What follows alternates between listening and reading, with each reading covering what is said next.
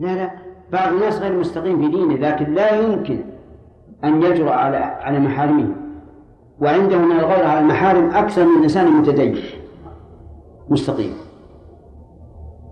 هذا شيء مشاهد. يعني يوجد ناس مثلا عندهم آه، تهاون في الدين في الصلاة في شرب الدخان في شرب المسكر لكن عندما تحادثهم في الغيرة يكون من أشد الناس. فهذه مسألة يختلف فيها الدين عن مس... عن عن, عن, عن الغيرة نعم. كالفاجك طيب. الله عليك لو حلبت امرأة لبن وأعطته لأخرى حتى تسقيه ابنها فأسقته ابنا آخر. فهمتم السؤال؟ يقول هذه امرأة حلبت لبنها وقالت للمرأة هذا لولد فلانة. هذا السؤال؟ نعم. وأعطته آخر أرأيت لو أعطته إناء فيه طعاما طعام؟ وقالت خذ هذا أعطيه فلان. وراحت أعطته آخر يحل ولا ما يحل؟ أسألك هل يحل ولا ما يحل؟ لا يحل الثاني نعم يجب أن تعطيه من, من ذكرت. هذا مثلها. أما بالنسبة لتأثير اللبن فهو مؤثر. حتى وإن كان لا يحل إعطاؤه الطفل الآخر لكنه مؤثر. ولذلك لو سرقت امرأة لبن امرأة وأسقته طفلها صار مؤثرا. وهنا بغير اختيار الأولى. نعم. ولو بغير اختيار لا هي هي مختار هي هي قد اختارت إرضاع اللبن لكن اختارت شخصا آخر. نعم. اللي وراء. ارفع إذا إذا رضع الطفل من الحليب الواقع من حليب العلب الواقع نعم.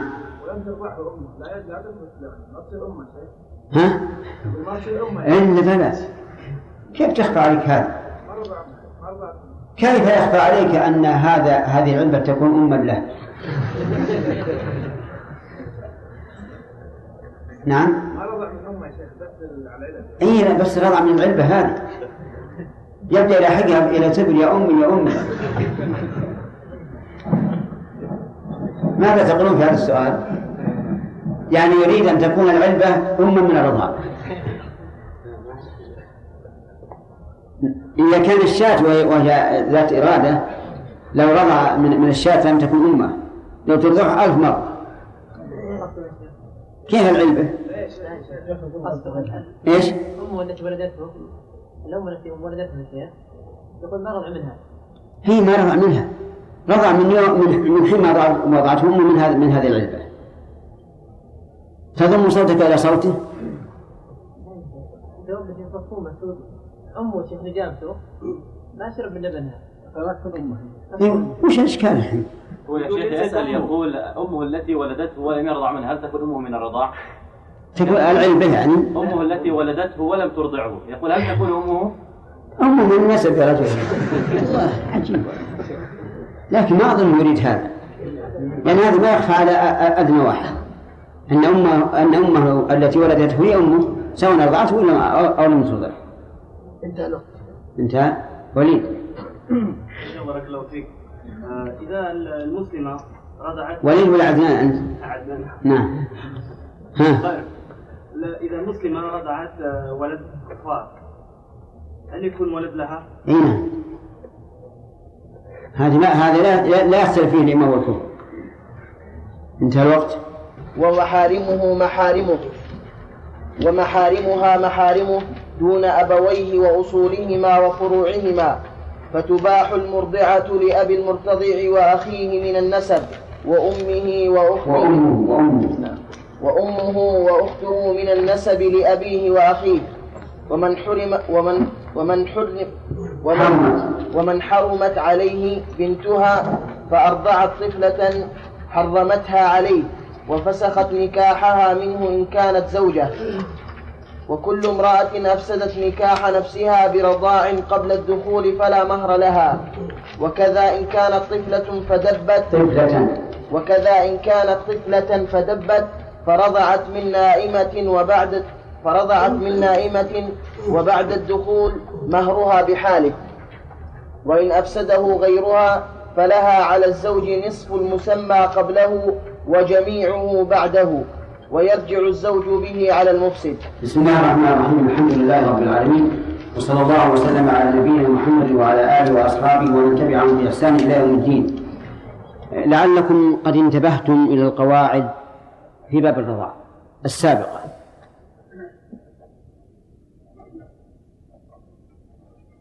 أكذلك؟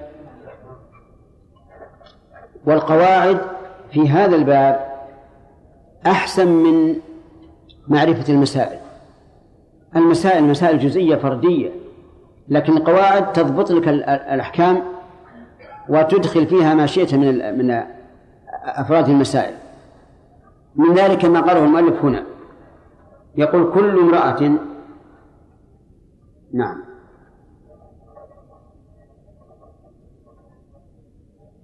ومن حرمت عليه بنته عظيم طيب يقول فمتى أرضعت امرأة طفلة صار ولدها في أمور أربعة النكاح والنظر والخلوة والمحرمية وصار ولد من نسب لبنها إليه ولد من نسب لبنها إليه وهذا الزوج أو السيد. فإذا تزوج امرأة وحملت وأتت بلبن فاللبن من الزوج. ومن وطئ أمته فحملت وأتت بولد وصار فيها لبن فاللبن ينسب إلى السيد. يكون و... نعم. وولد من نسب لبنها إليه. من هو؟ الزوج والسيد. بحمل أو وطء من نسب لبنها إليه بحمل يعني جامعها وحملت ووضعت وصار فيها لبن. أو وطي هذا يمكن أن يكون فيما لو تزوج امرأة. ومع الجماع درت وصار فيها لبن بدون حمل. فظاهر كلام المؤلف أن أن هذا اللبن محرم لأنه نتج عن عن وضع وقد سبق لنا أن القول الراجح أنه متى وجد اللبن ناشئا عن حمل أو وقت أو لعب بالثدي حتى در أو غير ذلك فإنها تكون أما له. لكن من ليس لها سيد ولا زوج تثبت الأمومة دون دون الأبوة. قال وصار محارمه محارمها ومحارمها محارمه. محارم من؟ محارم الراضع محارم محارم من نسب لبنها إليه؟ محارم للراضع البنت محرم لأبيها. الولد الذي الذي رضع من امرأة ينسب لبنها إليه يكون محرم. فما فمحارم صاحب اللبن محارم للراضع. ومحارم المرضعة محارم للراضع بأي لغة هذا الكلام. عربية مفهومة؟ طيب. رضع هذا الرجل من امرأة اسمها عائشة. عائشة لها محارم. محارم عائشة محارم للطفل الذي رضع. فلننظر بنتها محرم لها ولا لا؟ أمها عمتها خالتها. هؤلاء المحارم يكونون محارم للرضيع. كذلك محارم صاحب اللبن يكونون محارم للرضيع. زوج المرأة التي أرضعت له له محارم. محارم هذا الزوج محارم للرضيع. ابنه محرم أبوه أخوه عمه خاله وهكذا. طيب المحارم في الموضعين هم الأصول والفروع والحواشي. هذا بالنسبة للمرضعة ولصاحب اللبن. أما بالنسبة للرضيع فقال المؤلف دون أبويه وأصولهما وفروعهما. دون أبويه أي أبوي الرضيع وأصولهما وهما الجد والجدة وفروعهما وهما الإخوة والأعمام هذه مسائل فردية كما قلت لكم. نرجع للضابط الأول. ينتشر التحريم تحريم الرضاء بالنسبة للمرضع للطفل إلى من؟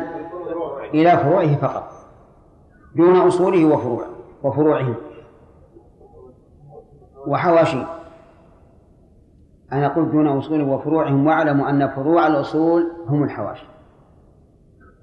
لكن غابت عنكم. فروع الأصول هم الحواشي. فروع الأب إخوة فروع الجد ومن على وإن على أعمام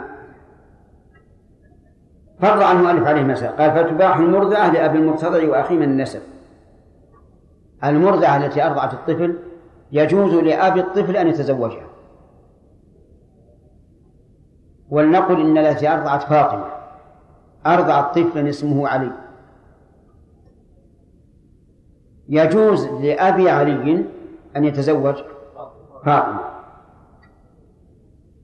طيب. يجوز لأخي علي أن يتزوج فاطمة. لأن لأن أبا أبا الرضيع ليس من فروعه. أخو الرضيع ليس من فروعه. قال وأمه وأخته من النسب لأبيه وأخيه منين؟ من الرضاع. فيجوز لأبي الطفل من الرضاع أن يتزوج أخت الطفل أخته التي التي ولدتها, ولدتها أمه. لأن حواشي وأصول المرتضع لا علاقة لهم في الرضاع. افهموا القاعدة. حتى وإن لم تفهموا هذه الأمثلة. الكلام على القاعدة. ثم قال ومن حرمت عليه بنتها فأرضعت طفله حرمتها عليه وفسخت نكاحها منه إن كانت زوجته وفي نسخة إن كانت زوجة. كل امرأة حرمت عليه بنتها فمن أرضعت من النساء فهي حرام عليه.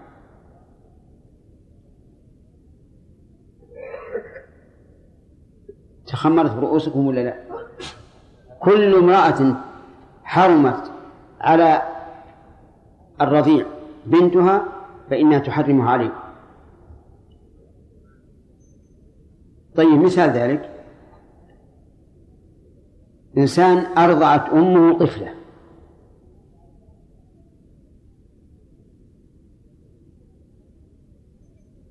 طيب مثال ذلك. إنسان أرضعت أمه طفلة. هل تحرم عليه الطفلة؟ تحرم؟ لأن بنتها لا تحرم عليه. أن نطبق على غاية المؤلف. كل امرأة تحرم عليك بنتها فإنه يحرم عليك كل ما أرضعت. طيب الأخت. إنسان له أخت. بنت أختي حرام عليه؟ لو أرضعت هذه طفلة أختها أرضعت طفلة صارت حراما لأن بنتها تحرم عليه فمن, فمن أرضعت تحرم عليه. هذا الك... هذه القاعدة اللي فيها نوع من التعقيد. يكفي عنها قول النبي صلى الله عليه وسلم يحرم من الرضاء ما يحرم من النسب. وكفى. فمعلوم أن أختك التي هي بنت أمك. حرام عليك. إذا أرضعت أمك طفلة صارت الطفل الطفلة إيش؟ لا ما هو حكم؟ صارت إيه؟ من أختا لك. من الرضاع. فعليك بالأصول. وليس المؤلف لم يأتي بهذا الضابط. هذا ضابط وليس بقاعدة لكن ليته لم يأتي به لأنه الآن الآن في ظني أنه شوش عليكم لكن عليكم بالأصول. عليكم بالأصول. ومعلوم أن من حرمت عليه بنتها حرمت عليه من أرضعت. قال من حرمت عليه بنتها فأرضعت طفلة حرمتها عليه. هذا ما في إشكال. وفسخت نكاحها منه إن كانت زوجة هذا كيف طفلة تكون زوجة؟ عجيب يمكن. خصوصا على قاعدة المذهب أن الرجل يجوز أن يزوج ابنته بدون إذنها. هذا إنسان ولدت له طفلة جميلة. نعم خفيفة الدم. ولها سنة وشهران وشهران. رآها رجل قال والله بنتك هذه حلية له طيبة زوجنيها. قال توكل على الله فعقد له النكاح على هذه الطفلة لترضى هل يستمتع بها؟ لا. يلعبها الآن بيديك كذا وبعدين إن شاء الله سهل الله. آه. على كل حال زوجها إياه. جاءت أخته أخت الرجل اللي تزوج الطفلة فأرضعت الطفلة. صارت الطفلة الآن بنت أخته فهو خالها. انفسخ النكاح. فسدت اللي حصل. أخته الآن فسدت عليه. هذا واضح ولا غير واضح؟ طيب لماذا أفسدت النكاح؟ لأن بنت أخته تحرم عليه فمن أرضعت تحرم عليه وتفسخ النكاح. تفسخ تفسخ النكاح. مشكل راح عليها الآن؟ بقينا الزوج الزوج يبي يلزمه على هذا نصف المهر. هو أصدق هذه البنت الطفلة مثلا عشرة آلاف. انفسخ النكاح. بغير سبب من الطفلة. نقول يلزم الزوج نصف المهر. كم؟ خمسة آلاف ريال. لكن من أين من أين يأخذه؟ يأخذه من أخته التي أفسدت النكاح. فيقول أنت التي جنيت علي وفسخت النكاح فعليك نصف المهر. واضح ولا ولا غير واضح؟ طيب. وفسخت نكاحها منه إن كان زوجة؟ قال وكل من أفسدت نكاح نفسها برضاع قبل الدخول فلا مهر لها. هذه ضابط أيضا. كل امرأة أفسدت نكاح نفسها برضاع قبل الدخول فليس لها مهر أفهمتم؟ قولوا نعم ولا لا؟ طيب. مثال ذلك رجل له زوجة كبيرة فيها لبن من غيره. تزوج طفلة صغيرة صار عنده الآن زوجتان كبيرة ترضع وصغيرة طفلة ترضع. فقامت الكبيرة وأرضعت الصغيرة. أرضعت الصغيرة.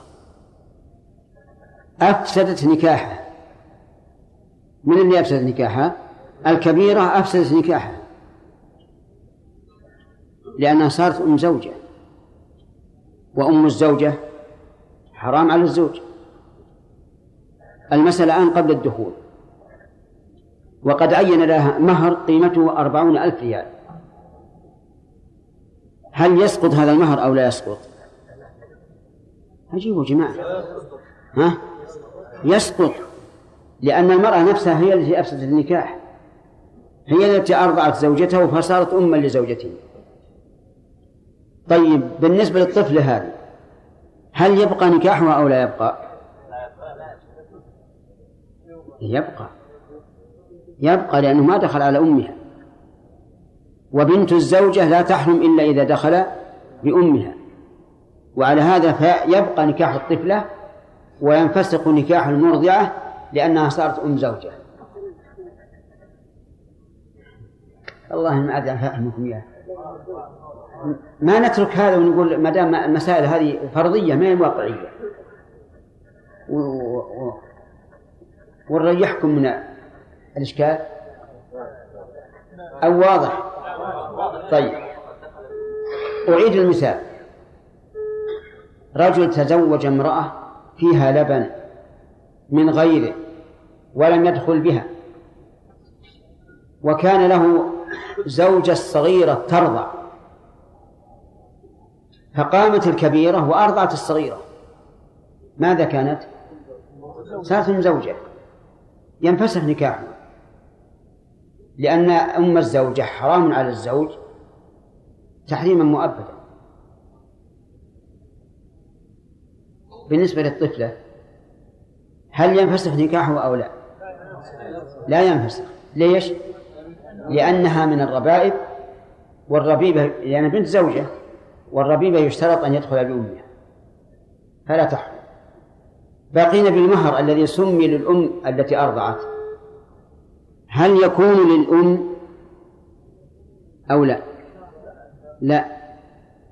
لأن كل فرقة من قبل الزوجة قبل الدخول تسقط المهر. هذه القاعدة. كل كل فرقة نعم كل فرقة تأتي من الزوجة قبل الدخول فإنها تسقط المهر على هذه القاعدة نقول أهذه المرأة التي أفسدت نكاح نفسها ليس لها مهر لأن الفرقة جاءت من قبلها.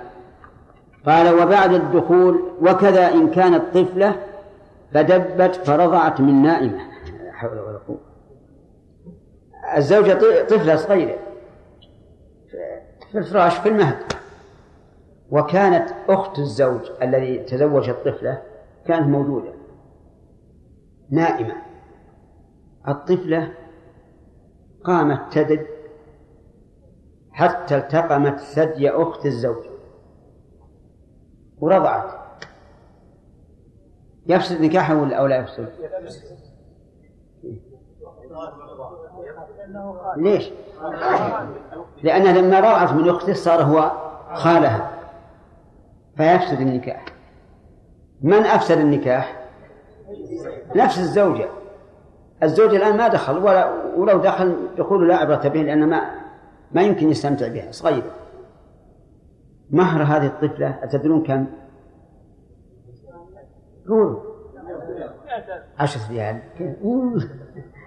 الفرق يا غانم بينكم وبين هذا الرجال هذا عشرة ريال ولا مئة ألف على كل حال نقول عشرين ألف. عشرين ألف هذه تسقط عن الزوج. ليش؟ الفرقة ممن؟ من؟ الزوجة نفسها. طيب يا جماعة الزوجة الصغيرة ما لها راعي ولا شيء. نقول إن الإتلافات يستوي فيها العاقل وغير العاقل. ولذلك لو أن المجنون أفسد مال إنسان ضمناه. فيسقط مهرها بفعلها.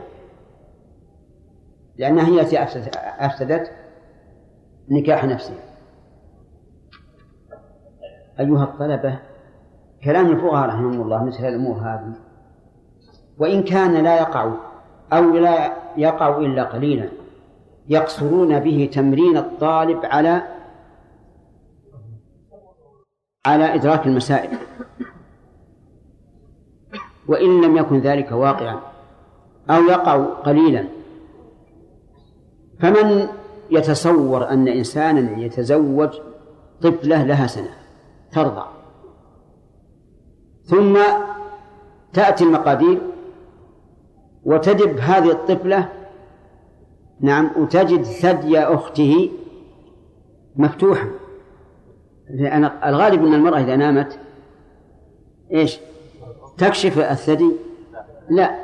لكن مع ذلك جاءت المقادير جاء أمر الله. وهذه الطفلة وجدت الثدي مفتوحا أو هي عبثت بالثوب حتى انفتح الثدي ورضعت. ثم الرضاع يحتاج إلى عدد. كم؟ خمس رضاعات. فيقال هذه الطفلة كل صباح يوم تدب وترضع. خمسة أيام خلاص تمت تم النصاب. نعم. أسئلة خمس دقائق؟ نعم يا فيصل. هل الطلاق يقطع اللبن؟ لا. إلا إذا تجدد إلا إذا تزوجت وحملت من الثاني. دام فيها لبن من الأول فيعتبر أب نعم ما دام فيها اللبن من الأول فهو أب أب الراضع والثاني زوج أم. نعم. وكانت كبيرة في عصمته واللبن للزوج. للزوج. نعم. فأرضعت الطفل الصغيرة نعم. هل تطلق الصغيرة كبيرة؟ هل إيش؟ تطلق تنفس الصغيرة اي مع انه صارت بينفسخ لأنها صارت بنته الكبيرة والكبيرة لأن من زوجته. كلهم. كله نعم.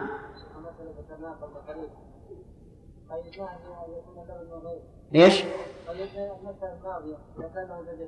نعم. نعم. أي لأنه إذا كان اللبن منه صارت ال- الطفل التي رضعت بنتا له. وانفسخ نكاحها ونكاح المرضعة نعم. ها؟ نعم. رضعت مين؟ كيف؟ هونت صبحت طيب. إيش؟ الرضاعة من المحارم. الرضاعة من المحارم؟ يعني مثلا الصغير يرضع الصغير ها؟ يعني الطفل الصغير يرضع شغيرته يعني. لا بأس. فيكون ابنا لها من الرضاع ويكون أخا لها. نعم.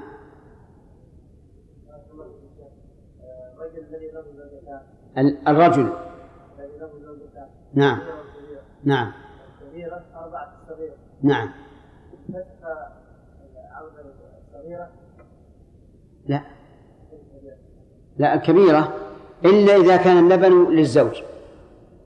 فإنها إذا إذا أرضعت الكبيرة الطفلة صارت الطفلة بنتا له فينفسخ نكاحها عليه آه، يعني عدم الدخول في في الكبير. ها؟ عدم الدخول في الكبير. إيه نعم لأنه ما ما دخل عليها. و- واللبن من غيره. اللبن من غيره. يعني قد تزوج امرأة متزوجة من قبل وفيها لبن ولم يدخل بها فأرضعت الصغيرة. واضح ولا ولا لا؟ عجيب يا أخي من مقام التعلم. طيب. نعم. إذا ادعت امرأة إذا. ادعت امرأة أنها أرضعت زوجة رجل من محارمه ولم يقم البينة على ذلك وإنها متهمة أنها تريد زوج فهل عليها أن تقيم البينة؟ هذه ستأتينا بكلام المؤلف. غدا إن شاء الله يتبين الحكم. من يم أرفع يدك. نعم. من الله إليك يا شيخ لو كان هناك رجل وله ولد من الرضاعة يتزوج هذا الولد. فزوجته ما تحرم عليه بحيث إنه يحلو بها. أي نعم. هذه مسألة فيها خلاف. يعني زوجة الابن من الرضاعة هل تحرم على أبيه من الرضاعة أو لا تحرم؟ ال- المذاهب الأربعة كلها يقول إنها تحرم. كزوجة ابنه من النسب واختار شيخ الإسلام رحمه الله أنها لا تحرم. واستدل الجميع بحديث واحد وهو قول النبي صلى الله عليه وعلى آله وسلم يحرم من الرضاع ما يحرم من النسب. فقال هؤلاء الجمهور زوجة ابنه من النسب حرام. فتكون زوجة ابنه من الرضاع حراما لأنه يحرم من الرضاع ما يحرم من النسب. وهذا رأي المذاهب الأربعة كلها. وقال الشيخ الإسلام الحديث يحرم من الرضاع ما يحرم من النسب. ولو سألنا عن تحريم زوجة الابن على أبيه فهل تحريمها من من النسب؟ أو تحريمها من المصاهرة؟ لكان الجواب أن تحريمها من المصاهرة. وعلى هذا فلا تدخل في الحديث. ولأن الله تعالى قال وحلائل أبنائكم الذين من أصلابكم فقيد. واختيار شيخ الإسلام هو الصحيح من حيث الدليل. وقد كتبت في هذا جوابا سابقا مطولا. وبينت أن قول الجمهور ضعيف. وقد قال الله تعالى بعد ذكر المحرمات قال وأحل لكم ما وراء ذلك ولكن لو قال قائل أبسك الاحتياط. أسلك الاحتياط. قلنا طيب ما نمنعك فنقول زوجة ابنك ابنتك من الرضاع لا تحل لك أي لا يحل أن تزوجها لو طلقها أو مات عنها. بناء على رأي الجمهور. ولكنها لا تكشف لك ولا تخلو بها. ولا تسافر بها. بناء على قول شيخ الإسلام ابن تيمية. فنجمع بين الأمرين. الاحتياط هنا أو هنا. إي نعم. لو سلك إنسان هذا المسلك لكان له أصل. لكان له أصل. الأصل هو قصة سعد بن أبي وقاص مع عبد بن زمعة حين اختصما في غلام فقال سعد بن أبي وقاص يا, رسول الله هذا ابن أخي عتبة بن أبي وقاص عهد به إلي وكان عتبة قد زنى بهذه المرأة وأتت بهذا الولد. وعبد بن زمعة قال يا رسول الله هذا من وليدة أبي ولد على فراشي فهو أخوي فهو أخي. اختصم إلى النبي صلى الله عليه وسلم واحتج سعد بالشبه. قال يا رسول الله انظر شبهه هل يشبه العتبة أو لا يشبه؟ فرأى النبي صلى الله عليه وسلم شبها بينا بعتبة وأن الولد, هذا من حيث الشبه لعتبة لكن عتبة عاهر زاني. فقال الولد للفراش وللعاهر الحجر. الولد لك يا عبد ابن زمعة. يا عبد ابن زمعة. ثم قال لسودة احتجبي منه. مع أن زوجة تكون إيش؟ تكون أخته لما قضى به لزمعة. تكون أخته وأمرها أن تحتجب. لماذا أمرها أن تحتجب؟ لأنه رأى شبها بينا بعتبة. فرأى من باب الاحتياط أن تحتجب عنه ولو كانت أخته.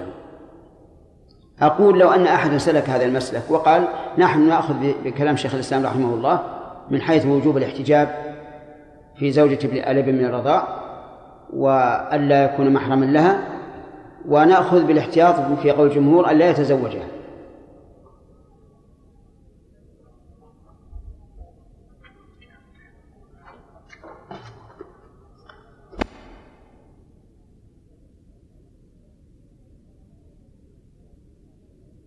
قال ويأتي الأخ يوزع علينا نحن جالسون إيش؟ لو رأيتم أن نبقى في أماكننا بعد انصراف فضيلتكم إيه؟ لمن لا يريد أن يسأل. طبعا. نعم. ويأتي هذه الكتب وتوزع ونحن جالسون لأنه لابد أن يحصل تزاحم. ما شيخ بارك الله فيك ما هي بكتاب كثير. كتب كثيرة. يعاونونه يذهب عشرة معه ويعاونوه بيأتون بالكتب إن رأيتم ذلك لعله أحسن والله إيه. يأتي المجموعة وش ها؟ 15 طالب يأتي. إيش؟ يعني كلام الأخ أحمد زين؟ زين. ها؟ إيش؟ يبدا بالمؤخره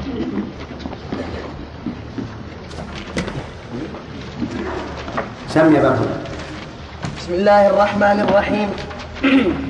ومن قال لزوجته أنت أختي؟ لا قبلها الظاهر. اللي قبله وقفنا على وكذا إن كانت طفلة فدبت فرضعت من نار ها؟ بعدها؟ طيب. ماشي. وإن أفسده غيرها فلها على الزوج نصف المسمى قبله وجميعه بعده ويرجع الزوج به على المفسد.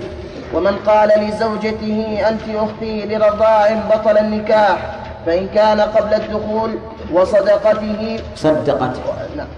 فإن كان فإن نعم. كان قبل الدخول وصدقته فلا مهر وإن كذبته فلها نصفه ويجب كله بعده. وإن قالت هي ذلك وأكذبها فهي زوجته حكما. وإذا شك في الرضاع أو كماله أو شكت المرضعة ولا بينة فلا تحريم. نعم. بسم الله الرحمن الرحيم. قال المؤلف رحمه الله تعالى فيما إذا فسد النكاح بالرضاع.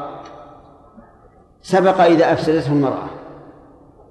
فإنه إن كان قبل الدخول فإيش؟ فلا مر لها.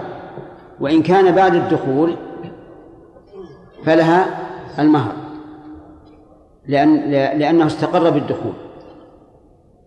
وقال شيخ الإسلام رحمه الله إذا أفسدته بعد الدخول فإنه لا مهر لها.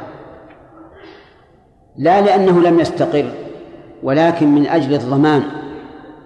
لأنها لما فوتت نفسها على زوجها ضمنته بالمهر وهذا القول لا شك أنه قوي. فيقول الزوج مثلا أنت الآن أفسدت النكاح وقيمتك هو المهر فأعطيني القيمة. وإن أفسده غيرها وإن أفسدها أفسد أفسده أي النكاح غيرها فلها على الزوج نصف المسمى قبله وجميعه بعده ويرجع به الزوج على المفسد. إن أفسده غيرها أي غير الزوجة. فإن كان قبل الدخول فللزوجة النصف. وإن كان بعد الدخول فللزوجة الجميع. ولكن الزوج ماذا يصنع؟ يرجع بما غرمه للزوجة على من أفسده. يرجع على من أفسده. مثال مثال هذا. امرأة أرضعت زوجة أخيها. أرضعت زوجة أخيها. لأنه تزوج بنت طفلة صغيرة فجاءت أخته فأرضعته من الذي أفسد النكاح؟ الأخت. عليها نصف المهر. لأنها أفسدته قبل الدخول. فعليها نصف المهر.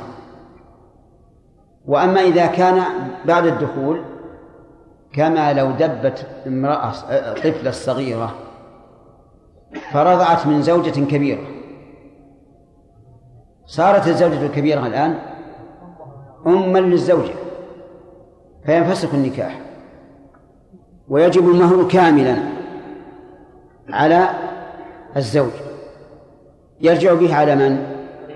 على الطفلة الصغيرة اللي دبت ورضعت فإذا قال قائل صغيرة هذه كيف تضمن؟ قلنا حقوق الآدميين لا يشترط فيها العقل ولا يشترط فيها الذكر بل تضمن سواء كان من من مجنون أو عاقل أو ذاكر أو ناسي أو عالم أو جاهل. حقوق الآدميين لابد أن تكون مضمونة. ولهذا قال ويرجع به على المفسد. ومن قال لزوجته أنت أختي للرضاع بطن النكاح.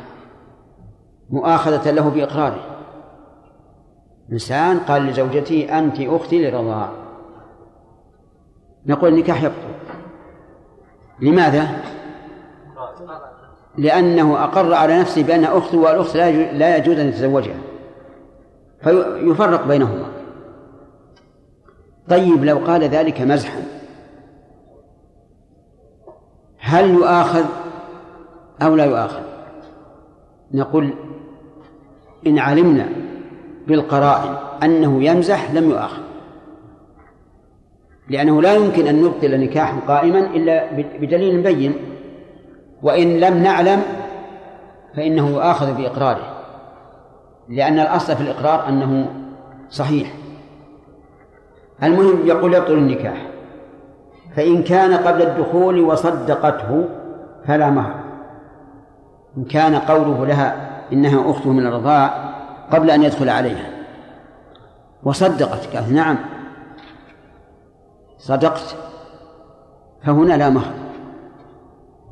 التعليل لأن لأنه اتفق الطرفان على أن النكاح باطل. والنكاح الباطل لا أثر له. وإن كان بعد الدخول نعم. وإن أكذبته فلها نصفه. أكذبته يعني قالت إنه كاذب. فلها نصف المهر. اسمع. رجل بعد أن عقد على امرأة قال إنها أختي من الرضاعة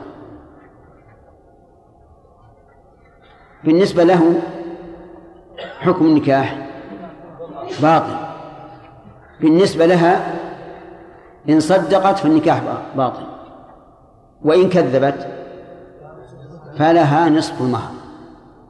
لأن الفرقة جاءت من قبل الزوج.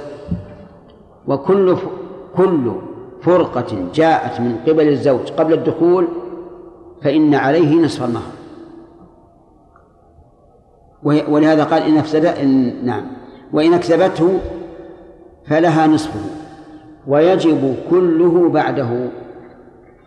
يعني لو كان قال بعد الدخول أنت أختي للرضاعة وجب المهر كاملا. بماذا استقر؟ استقر بالدخول. فيجب المهر كاملا. طيب. وهذا سواء سواء صدقته أو لم أو لم تصدقه. لكن يبقى النكاح هل يبطل أو لا يبطل؟ إن صدقته بطل بلا شك. لأن الطرفين اتفقا على أنه نكاح باطل. وإن كذبت بطل النكاح في حقه ولم يبطل في حقه. وحينئذ يلزم الزوج بأن يطلق. فإذا قال كيف أطلق وأنا أعتقد أنها هي زوجة نقول هي لكنها هي تعتقد أنها زوجة. وبناء على اعتقادها لا يحل لها أن تتزوج أحدا. لأنها تعتقد أنها مع زوجها. فلا يمكن أن تنفك منك إلا إلا بإيش؟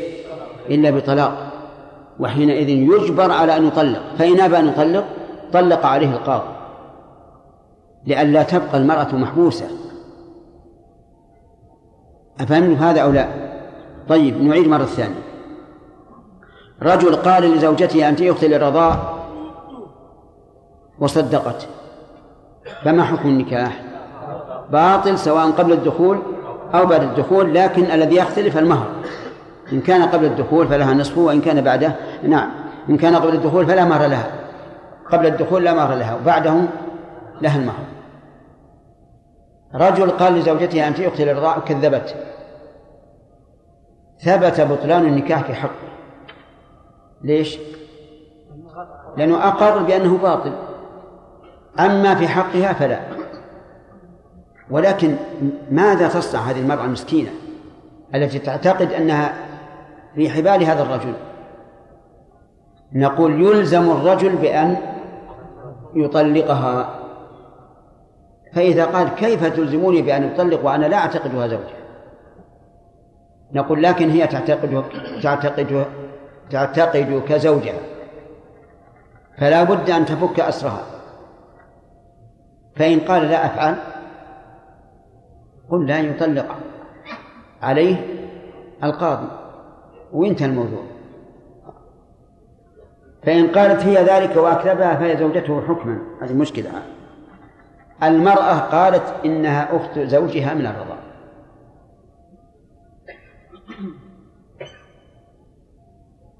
هل ينفسخ النكاح أو لا؟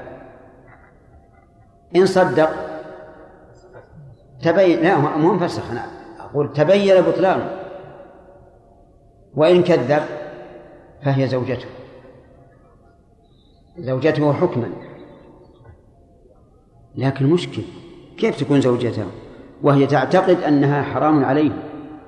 نقول لكن ولا يعتقد. في مثل هذه الحال يجب عليها أن تفتدي أن تفتدي من زوجها بكل ما تستطيع. وش معنى تفتدي؟ أي تعطيه دراهم ليطلقها. لأنه لا يحل لها أن تمكنه من نفسها وهي تعتقد أنه ليس ليس بزوج. أفهمتم يا جماعة؟ طيب. إذا قال قائل على رأيكم هذا ترون أن هذه الزوجة لا تمكن زوجها من الاستمتاع بها؟ قلنا نعم نرى هذا. فماذا يصنع الزوج إذا كانت هذه الزوجة ناش... تأبى أن يستمتع بها؟ نقول حكمها حكم الناشز ليس لها نفقة وليس لها قسم إن كان إن كان معه زوجة وليس لها حق. وفي هذه الحال يتدخل القضاء. يتدخل القضاء فيلزم الزوج بأن يطلق ولكن يعطى مهره.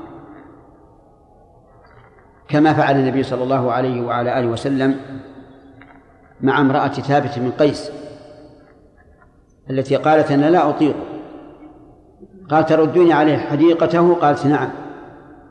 قال يا خذي الحديقة وطلقها.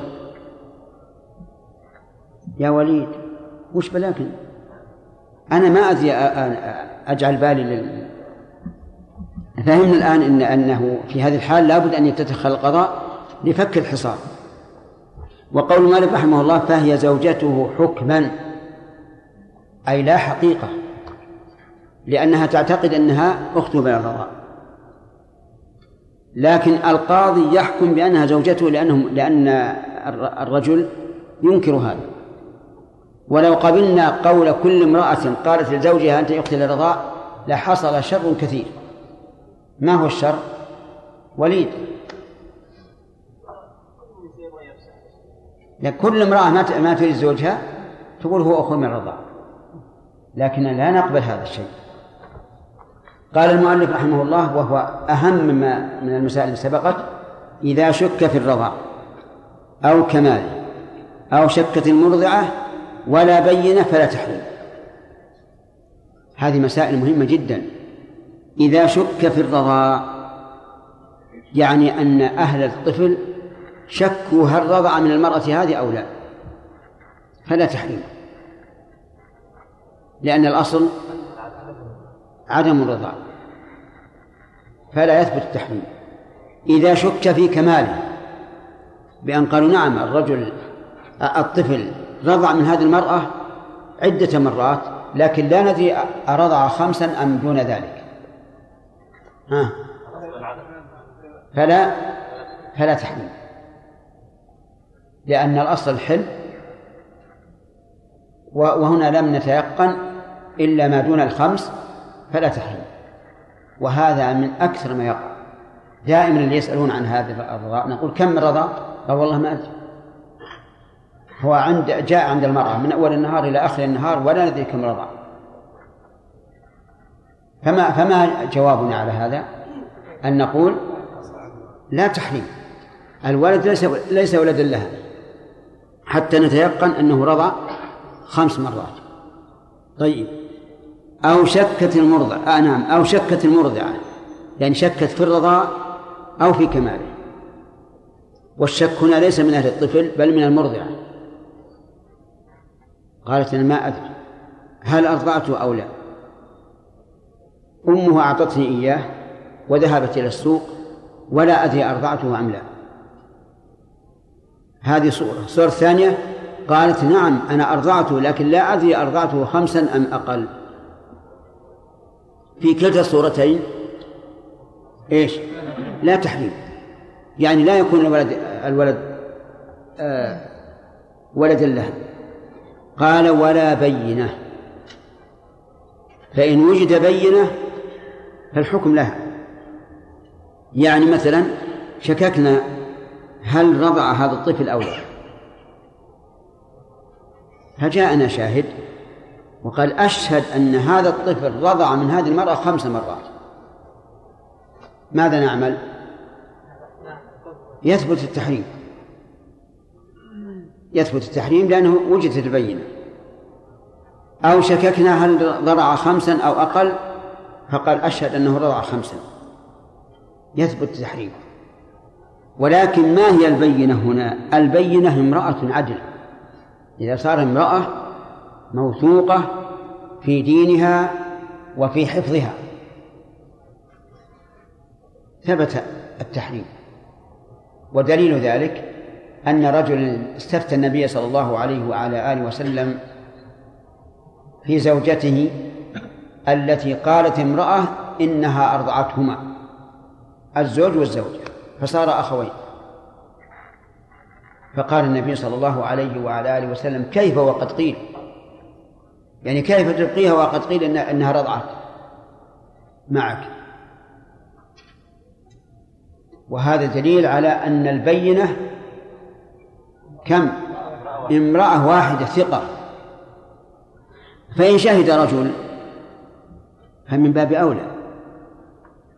لأن الرجل أثبت شهادة من المرأة. فإذا كانت السنة النبوية أثبتت الرضاعة بشهادة امرأة واحدة فإثباته بشهادة رجل واحد من باب أولى. والله أعلم. أسئلة خمس دقائق؟ نعم. إيش؟ نعم. نعم. لماذا لا نذكر ذلك في صورة صورة الزوجة لماذا إيش؟ صورة. الزوجة صورة زوجة. أي هذه لغرض مقصود لأن كل شيء يوجب المودة بين الزوجين فهو مطلوب شرعا. نعم. كل شيء مباح الملائكة لا تمتنع من الدخول فيه. نعم. الله قلنا العلاج لا يلزم المريض أن يتداوى نعم. فإذا توقف تناول الدواء على إنقاذ حياة المريض أو آه، حياة عضو من أعضائه هل يلزمه تناوله؟ إيه. هذا فيه خلاف. بعض العلماء يقول إذا تيقنا نفعه أو تيقن أو غلب على ظننا وجب. وهذا يمكن في بتر عضو آه، يخشى من انتشار المرض منه. هذا صحيح. لكن في الأشياء الأخرى ما, تتيقن حتى لو قدر من هذا الدواء جرت العادة بأن الناس يشفون منه فقد يشفى منه مريض ولا يشفى منه مريض آخر. فكيف نوجب على الإنسان ما, ما, ما لا يدرى عن عاقبته؟ أما إذا كان يقينا ينفع كما قلت لك أحيانا تكون مثلا في آكلة في إصبع من الأصابع. ويقول الأطباء لا بد من قطعه وإذا قطع انقطع المرض. فهنا نقول بالوجوب في شيء يسمى ذات الجمع ذات الجمع. تعرفونه؟ نعم. ها؟ لا. لا ذات الجمع هو عبارة عن أن الرئة تلتصق بالأضلاع وإذا التصقت لم تتمكن من جذب الهواء ودفنه. إن أراد الله لهذا المريض شفاء شفاه عز وجل وإلا هلك. يعني هو من الأمراض المخوفة. فيه له دواء له دواء نافع جدا وهو الكي. الكي سبحان الله ما يرفع الرجل يده من الكي إلا وقد تنفس المريض. هذا يقول يمكن أقول بالوجوب نعم. شيخ من القواعد المعروفة أن كل صلاة يشرع أن كل أن كل صلاة. أن كل أن كل صلاة. صلاح؟ صلاة. صلاة. يشرع فيها الاجتماع يجهر فيها بالقراءة. نعم. هل يستثنى من هذا صلاة الجنازة؟ ها؟ يستثنى من هذا صلاة الجنائز؟ لا. الجنازة أصلا ما فيها جهر لا في الليل ولا في النهار. فاتحة. لا ولا فاتحة ما يجهر فيها. يعني هذا يعتبر مستثنى شيء كيف صلاة الجنازة صلاة سرية ما فيها جهر. شوف لكن ما فيها جهر أصلا. لكن يجهر بها ابن عباس رضي الله عنه للتعليم فقط. ولهذا قال ليعلموا أنها سنة. وإلا في الأصل أنها سرية ليلا ونهارا. نعم. أي نعم نعم. أثابكم الله. إذا جاءت المرأة إلى أم الإنسان وقالت له وقالت بأن بأنها أرضعت والأم تقول هي ما أرضعت. ف... هي هي ثقة التي قالت أنها أرضعت؟ ثقة. طيب. إذا اجتمع ناف ومثبت من يقدم؟ أجب. قدم الناقل الناقل عن الأصل إيش النقل عن أصل؟ مثبت نافي من يقدم؟ قدم المثبت المثبت لأن المثبت معه زيادة علم. فالأم تقول ما أرضعت وهي تقول أرضعت وهي ثقة. نقول نحكم بشهادتها. لأنها قد تأتي والأم غائبة مثلا. وترضع. وقد ترضع في حضور الأم وتنسى الأم. فالمهم متى ثبت؟ بشهادة امرأة موثوقة. متى ثبت الرضاع المحرم وهو خمس رضعات في الحولين أو في أو قبل الفطام على القول الثاني ثبت الحكم. نعم. يا شيخ بارك الله فيك. إذا قال يعني ناس يعني لأهل طفل أنهم إيش؟ إذا قال أناس أناس لأهل طفل أنهم أرضعوه خمسا أو أربعا شكوا في ذلك. ألا يؤخذ بالاحتياط أنهم أرضعوه؟ لا.